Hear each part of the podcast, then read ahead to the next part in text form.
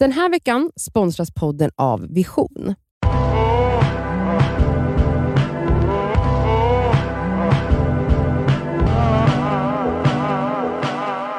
Hej! Eh, du lyssnar på Det ska vi svarar och eh, det är jag och Elsa och Nadja som har den podden. Ehm, och den här veckan så tänkte vi ställa frågor till varandra. För att vi inte har fått några roliga frågor på er. Nej, Jag de var jätteroliga, alltså de var fantastiska frågor, men ibland är det kul att spice upp de här fredagarna. Mm. Ja, ja. Så jag tänkte ställa en fråga till Nadja, eller två faktiskt, eh, och så ställer Nadja en fråga till Elsa och Elsa en fråga till mig. Och jag har vet kanske- inte, vi vet inte Nej vad och sen kanske vi byter varv och är så galna. Vi får se hur Eller- långa svaren blir. Mm. Jag börjar. Fire away. Jag tänkte på här, eh, jag vet inte om det hörs någonsin i podden, men Nadja alltså, sätter ju i halsen ungefär 48 gånger per dag. Eh, hon, hon håller på att dö av sitt eget saliv, alltså hon stryker med fyra gånger, alltså du, ja, hon sitter sådär och hostar och sen så typ tar hon en snus och sen så typ, om hon skrattar och sväljer så bara och så börjar hon choka och bara så, och det hoppas jag att Vilma klipper nog bort ur podden, men det sker ju alltså 78 gånger under en poddinspelning. Så då bara tänkte jag på här, här nu när du alltså senaste tre minuterna har det här hänt nu tre gånger. Då tänkte jag på, du har ju sagt förut att du älskar att suga kuk och sådär, även om inte det händer så ofta. Men alltså kan du ens suga kuk? Det var, alltså tror du att du kan det med tanke på din kräkreflex? Jag har en, en vidrig kräkreflex. Alltså du måste ju bara kräkas på kuken. Ja, Har det hänt? Nej det har det inte, men det är en faktiskt jättebra fråga. Visst. Ja, superbra fråga.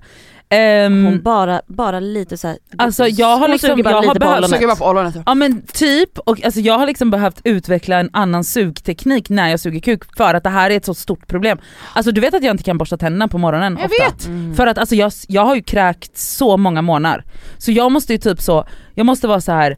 Eh, jag måste typ ta några djupa andetag innan jag stoppar tandborsten i munnen på morgonen. Och min tandläkare sa ju till mig, hon bara du kommer inte tillbaka hit innan lunch för att det går inte att undersöka dig. Okej. För Men- att mina kräkreflexer är så aktiva, Ah, på, mer på morgonen upptäckte han Mm. än vad de är på... Så, kan du berätta då om kuksugandet men- och inte tandläkarbesöket? Okej, om kuksug. Alltså, om Alltså det, varför, när du har sagt att du älskar det. men jag kan ju fortfarande älska det även om jag inte får in kuken så långt. Jo men okej, alltså, Alltså- så du gör allt för att inte möta kräkreflexen? Nej men precis, exakt. Så att då måste man ju typ så super lubricated Saliv? saliv och Ja, Det har du ju i alla fall. Ja, hon har ju överproduktion av det. ja, det är det som är Det är problemet. därför hon kvävs hela tiden. av mitt eget saliv. Ja. Ja, ja absolut. Eh, och man, alltså så här, jag vet, att, och då blir det liksom inte att så här, de kommer inte få en deep throat upplevelse med mig. Inte med Nadja kan inte det. med mig. Så det vill jag bara flagga för. Men det finns ju... eh, men, Ja. och att man använder händerna väldigt mycket. Alltså Ja, ja. både liksom bakom, alltså nästan in i rumpan samtidigt som man suger. Ja, men alltså, du gör en hel- runk och en- smekning. Ja, du gör exakt. liksom en, En hel, En, upplevelse. hel, en helhetsupplevelse. Ja. Okej. Okej. ja men absolut, Ja. det, är- det har ju varit. Men det bara slog mig här nu när du 100%. höll på att dö här precis. Ja. Hur fan suger hon kuk tänkte jag. För att Ja. jag, alltså, Mm. jag har ju själv frammanat en kräkreflex fejkat för att killarna ska bara Ja okej för att de bara åh jag har så stor kuk som Men jag kan också spyr. gilla, alltså att det är bara, det, jag trycker ner den så långt i halsen att det bara sprutar tårar, tårar och snor. Alltså det är en upplevelse. Ja I like men eh, Okej, nog, det handlar inte om mig. Jag har en till fråga. Eh, du har ju pratat lite i den här podden om en person som du är typ lite vän med, som du är lite så, kanske eventuellt lite intresserad av. Det var ju inte så länge sedan som hon faktiskt flaggade för det här, eller hur? Att hon landade i att hon var eventuellt nyfiken på att eventuellt Exakt. utforska Oj. kanske det. Ja, ja, Ja. ja. Kan vi få en uppdatering? eh, på mina känslor. Kring den situationen! Men den situationen är ju oförändrad för att jag är som jag är. Ja, Du har Men, fortfarande eh, inte landat eller? Nej, alltså grejen, det hände faktiskt en intressant sak hos min terapeut i fredags. Jaha. Berätta. Och hon sa, jag tror att hon är trött på mig. Det tror jag men jag tycker du ska byta terapeut för Eh, hennes men skull. hon sa, hon sa så här. Eh, hon bara, alltså det var nästan en himmel med ögonen innan hon, hon bara, ja alltså du är ju kär i honom. Mm. Och jag bara, eh, svär du i kyrkan? det var typ, och jag var så, eh, va, alltså jag tycker inte att vi har riktigt, hon bara Nadja, okej, hon bara okej vi har inte riktigt landat i det nej. Nej, hon bara, men hur känner du? Alltså, så, så Så hon, hon, borde bara örfila dig. Ja. men hon var väldigt farligt nära i fredags kan jag Mm. säga. Men, eh, men alltså ja, alltså det var det Marie sa. Mm. Så. Alltså, så kunde du då så acceptera det? Alltså jag tyckte att det var jättejobbigt att hon sa det, jag kände mig påkommen.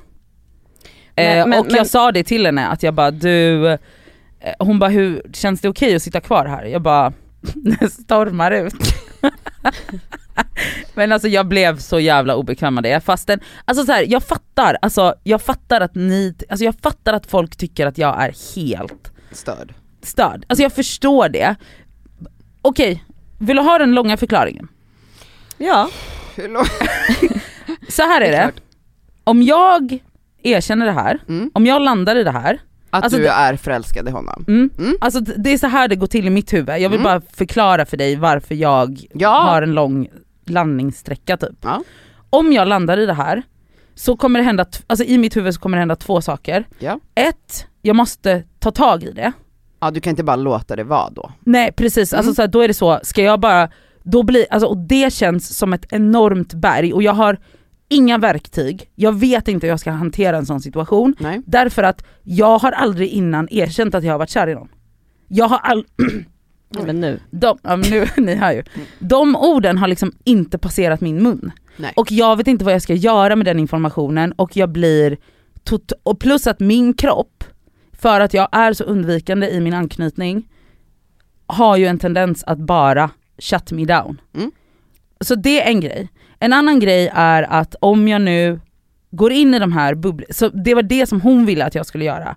Att hon ville att jag skulle stanna i de bubbliga härliga känslorna som jag känner för den här personen. Poängen är bara att när jag gör det, Mm. då väcks de här andra demonerna. Mm. Och jag orkar inte deala med dem. Hur känner du när, för jag menar ni är vänner. Hur känner du, varför ställer jag frågor förresten? Jo men kör. Vilket bra avsnitt, bra programidé. Det var när, det är, när det är så att han eh, kanske berättar för dig att han är Dejtar på någon. dejt. Nej men jag blir, alltså det är det, ja jag vet, alltså Mm. jag, det hände ju här om veckan. Känns det skönt? Känns, känner du så här, åh fan vad kul för dig? Nej. Nej. Jag skulle ställa ungefär en liknande fråga, jag tänkte på det att så här, eh, okej så alternativen vi har är att stanna i en eh, låtsaskompisrelation, alltså där du egentligen känner någonting mer och då tvingas utsättas för sådana saker, till exempel att han berättar att han har varit på en dejt. Mm. Det kanske till och med blir att han berättar att han var på en otrolig dejt. Ja, du fattar. Det kommer ju hända, så länge han inte vet vad du tänker och känner så vet han inte det. Mm. Om så länge du inte uttryckt det. Man kan inte räkna med att folk kan läsa ens tankar och känslor. Och då är frågan, du tycker att det här scenariot du målar upp då som är hemskt är att du då tvingas möta eller deala med allt som händer om du erkänner. Mm. Alltså gör någonting som du normalt inte skulle göra. Men det här som du är i nu är ju fan inte skönt heller. Nej, nej det är det inte. Nej. Jag, jag vet, alltså jag vet. Det är bara det att, alltså det är skönare än det andra just nu. Ja för att det andra är läskigare för att det är, det är en ny väg som du Exakt. inte har gått på Exakt. tidigare. Och alltså det tredje scenariot, det som är liksom den största risken men som jag gör allt i min makt för att inte ska hända, det är ju att jag bara stänger av. Mm. Jag har ju haft episoder den senaste två, de senaste två veckorna när jag har vaknat på morgonen och känt ingenting. Mm. Och men för att jag går i terapi och är så medveten så vet jag ju att det inte är Vad på riktigt. händer liksom. Jag vet ju att det är min kropp som stänger av och jag kan stänga, den kan stänga av mig Mm. helt. Dröm. Det, jag har Alltså, alltid den- önskat att jag hade en sån funktion men Nej alltså ni det. förstår inte, alltså, jag, då fick jag i terapin försöka gräva fram de känslorna. Åh herregud. För att jag, jag blir helt nam. Hur kan Mm. man vara så olika? Det är Alltså, så sjukt. Så att så här, det är ju det scenariot som ligger mig närmast, för det är ju det som jag vet, det, det är ju Ja. så jag, jag hanterar saker.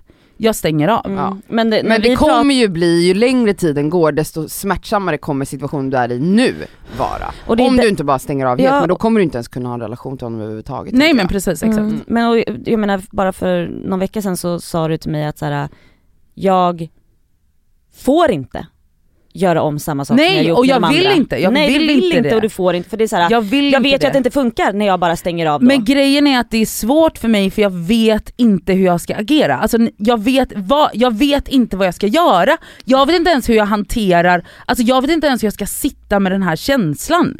Alltså det vet jag inte ens. Jag vet inte hur man beter sig när man är förälskad. Jag har ingen aning. Nej. Alltså jag, jag, vet inte, alltså så här, jag vet inte hur man sitter med det.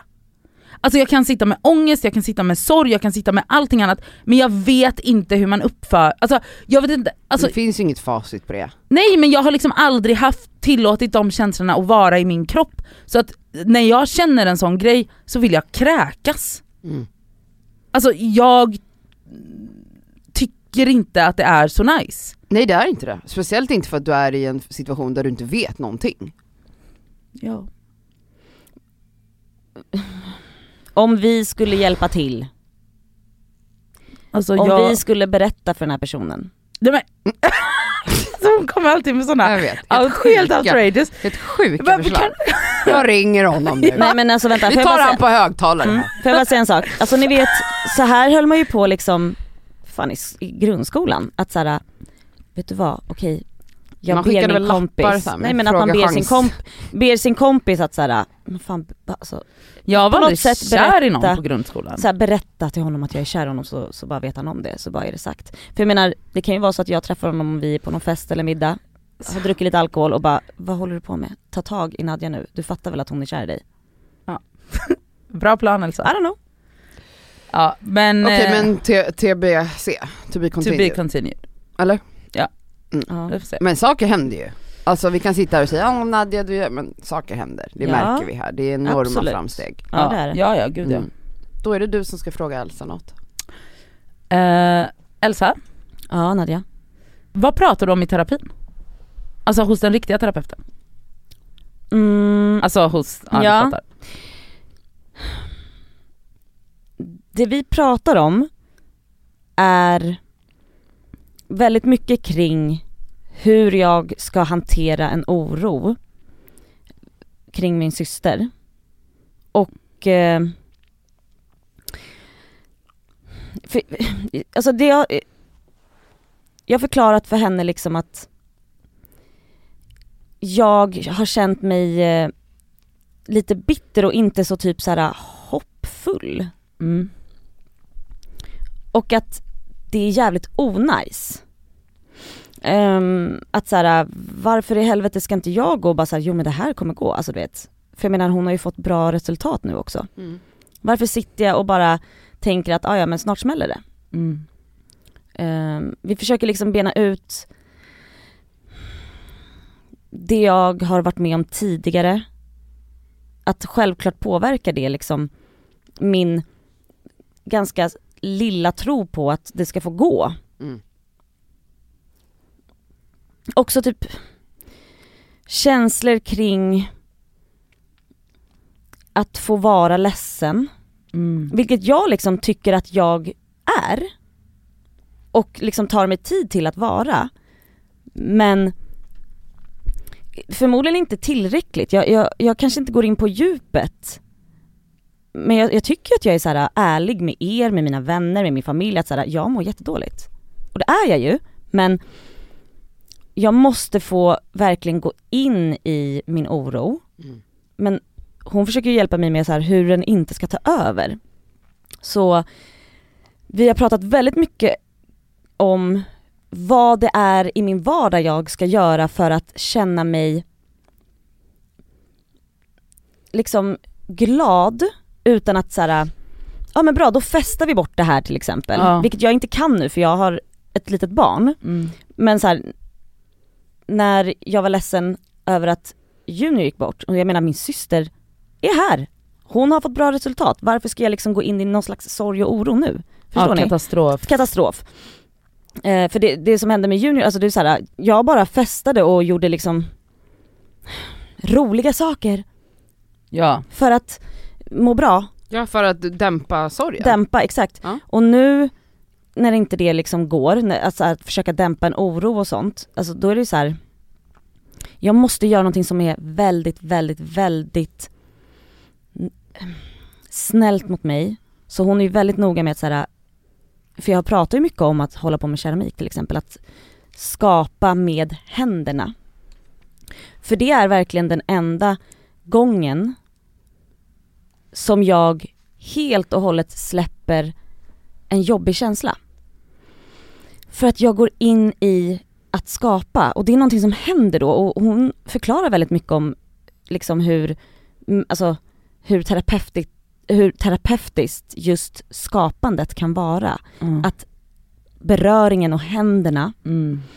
Ehm, så jag, jag tror att så här, jag, jag måste verkligen försöka hitta ett sätt att, för jag menar oron och det finns där, Mm. men, men jag måste få balans, jag måste få krama mig själv på det Mm. sättet. För jag menar gråta gör jag, prata med alla nära gör jag, men jag måste få lugn. Mm. Och då, då krävs det nog att jag faktiskt ger mig själv den investeringen alltså. Ehm, så vi pratar ju jättemycket om sånt, vi pratar också om, alltså om barndomen och Men alltså såklart, mest är det väl att hon försöker nu bena ut liksom känslorna.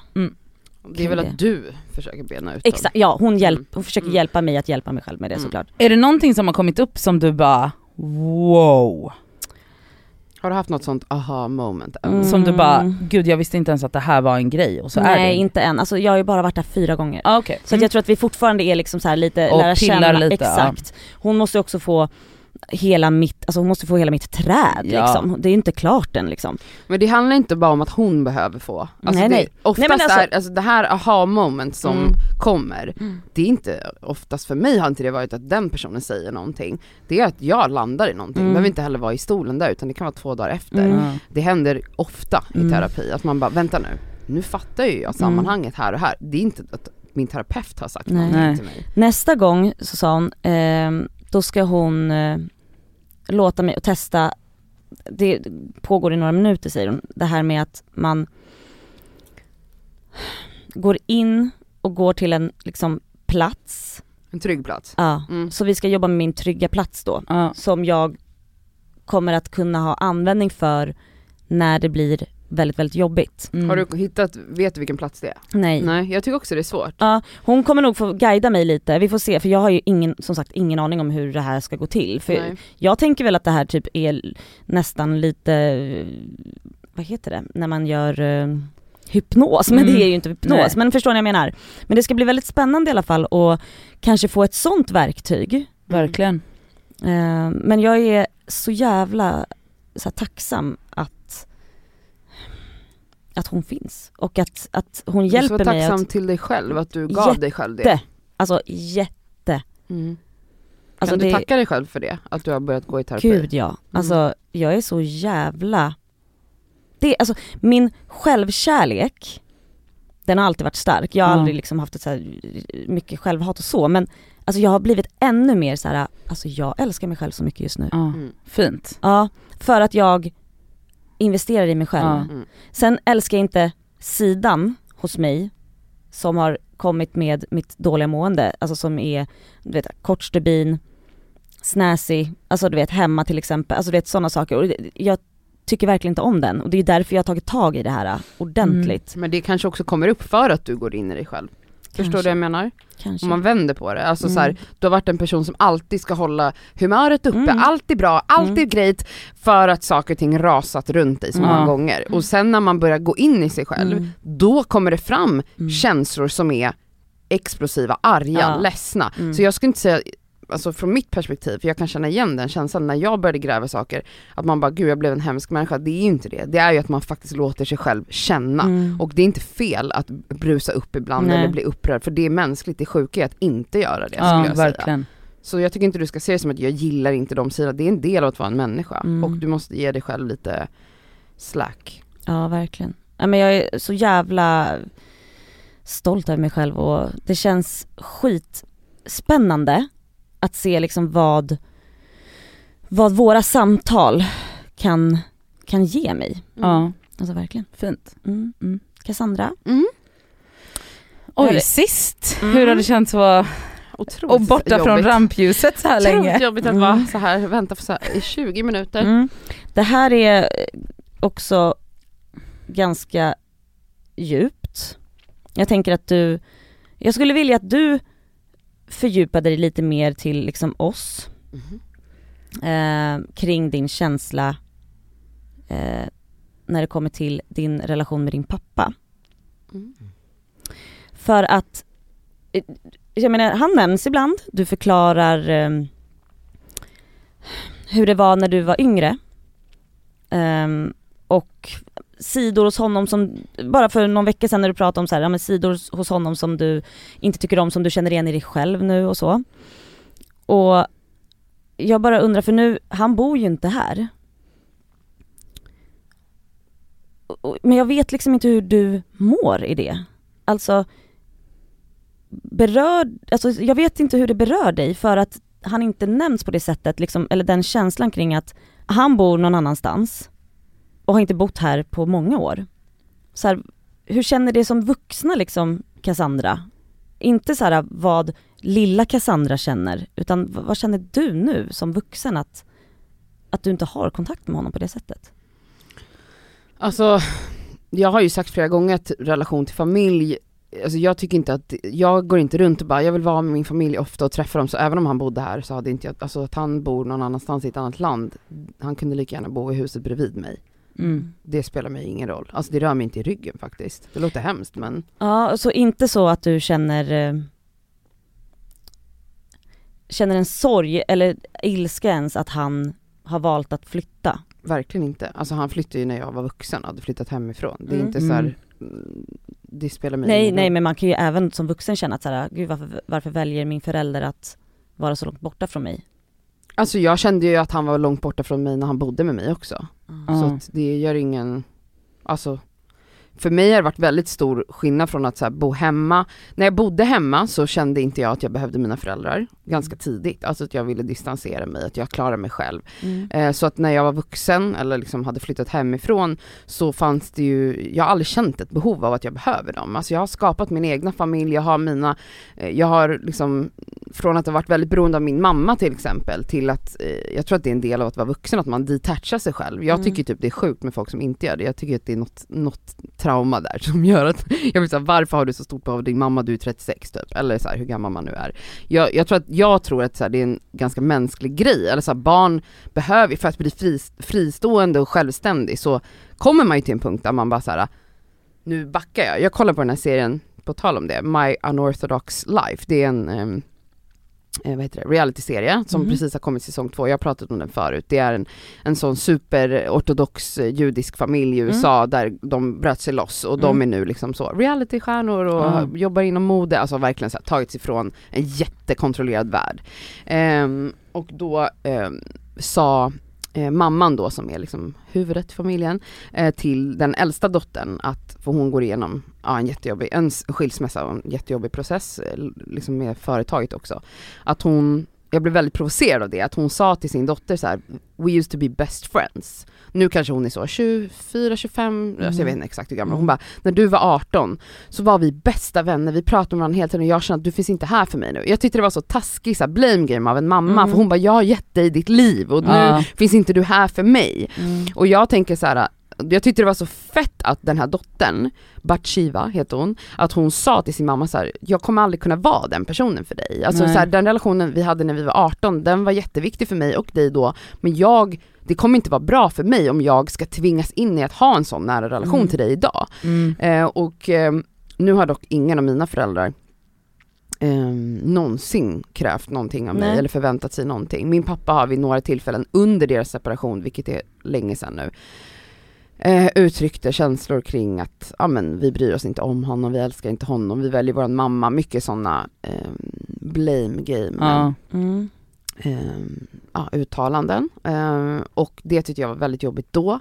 Eh, jag var nog arg på honom när han flyttade då när det hände men alltså, jag har ju processat där, det har Mm. gått liksom över tio år och ehm, jag tror att så här, att han är någon annanstans är Mm. liksom det minsta problemet i, i, i våran relation. Alltså relationen för mig har ju varit liksom att, jag tror att det är jättevanligt, alltså så här, min pappa har inte gjort något galet, det är ingenting som är jättetraumatiskt, Nej. även om så här, trauma kan vara en sån liten sak, men för mig var det en, en jag har blivit väldigt påverkad av att jag, precis som många andra, haft en pappa som har prioriterat sig själv i Mm. första hand. Mm. Sina intressen, sina, sitt jobb, sina andra relationer som är utanför familjen och Mm. att jag har haft en mamma som har dedikerat hela sitt liv till sina två barn. Mm. Att växa upp och se den fördelningen som inte ens Mm. är en fördelning utan det är liksom en hundraprocentigt ansvar på en förälder Yes. och en annan förälder som bara så lever sitt liv. Mm. Vilket jag, alltså jag sitter och säger, det kanske är hårt men jag upplever liksom att åtta av tio pappor, och då är jag snäll när jag säger åtta av tio, är så här. De prioriterar sig själva och mamman bara går hundraprocentigt in i den här mammarollen. Att se det, det lär ju oss som barn hur relationer ser ut, Ja. hur familjekonstellationer ser ut. Mm. Ehm, och det har jag ju därifrån lärt mig, alltså som barn lär jag mig vad är kärlek, då tittar jag på mina föräldrar Mm. och hur de är mot mig och hur de är Ja. mot varandra, hur de är mot min bror. Där lär man sig allt om kärlek, det är där ens anknytning såklart då Mm. eh, byggs. Och för mig har det ju varit då att så här, kommit till insikten i vuxen ålder att Alltså från att gå från att vara så, jag är bara en störd person och är galen och jag kan inte ha fungerande relationer till att jag har förstått samband och varför. Mm. Och för mig är det ju då väldigt mycket kring dels min mammas eh, oförmåga att sätta gränser, det har jag fått med mig. Eh, men också min pappas, eh, att jag kände väldigt ofta att min pappa använde sitt dåliga samvete och projicerade det Mm. mot mig och ja, jag ska inte säga hur han gjorde mot min bror, men jag kände att min pappa, jag insåg att min pappa projicerade sitt dåliga pappasamvete på mig, vilket Ja. gick, landade i liksom så att han sa saker till mig som liten, att så här, du älskar din mamma mer än du älskar mig och sånt. Mm. Och att säga det till ett barn som inte har förmågan att liksom Verkligen. förstå vad den Mm. här människan håller på med, jag fattar väl inte vad en projicering var som Nej. liten, gjorde ju att jag kände att jag behövde bevisa för min Ja. pappa att han visst älskas av mig, för att jag vill inte se min, min pappa gråtit och sagt det här till Mm. mig när jag var typ sju år. Alltså Och du har ju inga lägga på den verktyg på en litet litet barn. Mm. Exakt. Så för min del har ju det liksom byggt en så här Gud, att vad jag dels har känt att jag inte ehm, är älskad av min pappa, Mm. eh, för, men också att jag måste bevisa Bevisa. att, att, att eh, jag, alltså det har ju gjort att jag i relationer idag överanstränger Ja. mig jättemycket, att jag ska bevisa, bevisa för den jag är med att jag älskar den men också för att få kärlek tillbaka. Mm. Ja för Förstår det, ni? alltså det är ju ett så tydligt samband. Ja. Alltså, det är ju, alltså han satte ju dig i en situation som var för dig som sjuåring helt omöjlig Mm. att hantera. Mm. Och det enda sättet, också att så här, det där är ju motsatsen på villkorslös kärlek Mm. från en förälder. Mm. Och det är ju det ett barn ska ha. Ja. För att du kan inte som sjuåring hantera den kommentaren. Och det här är så vanligt, alltså, speciellt tror jag liksom generationerna över oss, alltså, hur har de fått lära sig att deala med känslor? Och att, så här, Mm. folk blev också föräldrar så jävla ungt, de har inte gått i Ja, terapi och jobbat nej. med sig Ja. själva. Alltså min pappa gjorde väl vad han kunde och min mamma också, Ja. det inte, han är inte en dålig människa, han är inte heller unik. Alltså, Nej. jag tror att det är så vanligt liksom att man projicerar saker på sina barn, det Mm. gör väl alla mer eller Ja. mindre. Men ja, för mig har det ju varit att liksom komma till de insikterna, landa i en jätteenorm ilska, som det jag var i väldigt länge. Så att de här frågorna du ställer nu om hur mitt mående, alltså så här, jag har redan processat alla Mm. de sakerna. Mm. Jag har varit skitarg, jag har velat liksom egentligen till och med klippa helt med min Mm. förälder, pappa, till, och med min mamma, till att bara så här förlåta, acceptera, förstå, sätt samband, var kommer de ifrån? Ni vet hela Mm. trädet, Mm. alltså så här, vad, familjeträd, var kommer de ifrån? Vad lärde de Mm. sig? Hur var min farmor? Hur var min farfar? Och förstå sambanden, varför Mm. min pappa är som han är och varför det är passed down till mig. Det enda jag kan göra är liksom att försöka bryta de här traumorna, inte föra dem vidare till mina barn, Nej. men jag förlåter allt. Mm. Och det är fortfarande som sagt, jag säger det igen ifall någon i min familj lyssnar, jag förlåter, det är inte så något jätteallvarligt som har hänt, jag har inte blivit övergiven, Nej, jag har inte nej. blivit utkastad till gatan, jag har blivit inte sönderslagen som barn eller så vidare. Och så vidare. Som man tänker är riktiga trauman, men det Ja. här är trauman Ja, för ja, mig och det har format mig jättemycket, men jag jobbar med det och så här, idag känner jag verkligen genuint, när vi papp, jag och min pappa hörs, även om det inte är så ofta, så känner jag bara en väldigt stark kärlek till Ja. honom. Ja, för det var min nästa fråga bara så här, som kan vara kort så men, men eh, vad är det bästa med din pappa? Att Vad han är tycker så du- otroligt känslosam, han är så i sina känslor, exakt Mm. som jag. Mm. Eh, alltså han är verkligen en känsla, och det är också väldigt fint just med en man, också född Ja. så, 1959, min pappa har alltid kunnat gråta, han är jättebra på att uttrycka kärlek och tacksamhet och men också negativa sidor Ja, ja. såklart, alltså Men när jag- han mår då, han ja, ja, gnäller ja. jättemycket, vi är jättelika på Mm. det sättet. Så det är liksom, Men det älskar min pappa, att Ja. han är så mjuk och känslosam. mm, Det tycker jag är väldigt fint, och han är rolig. Ja. Mm. mm. bra, fint. Ja men tack och hörni ni, det här blev ju typ ett eh, helt jävla avsnitt. Ja. Men kul! Ja, Ja. verkligen. Det kan Tack, vi göra om. ja, Mm. tack för att ni har lyssnat hörni och ha en underbar helg. Puss. puss.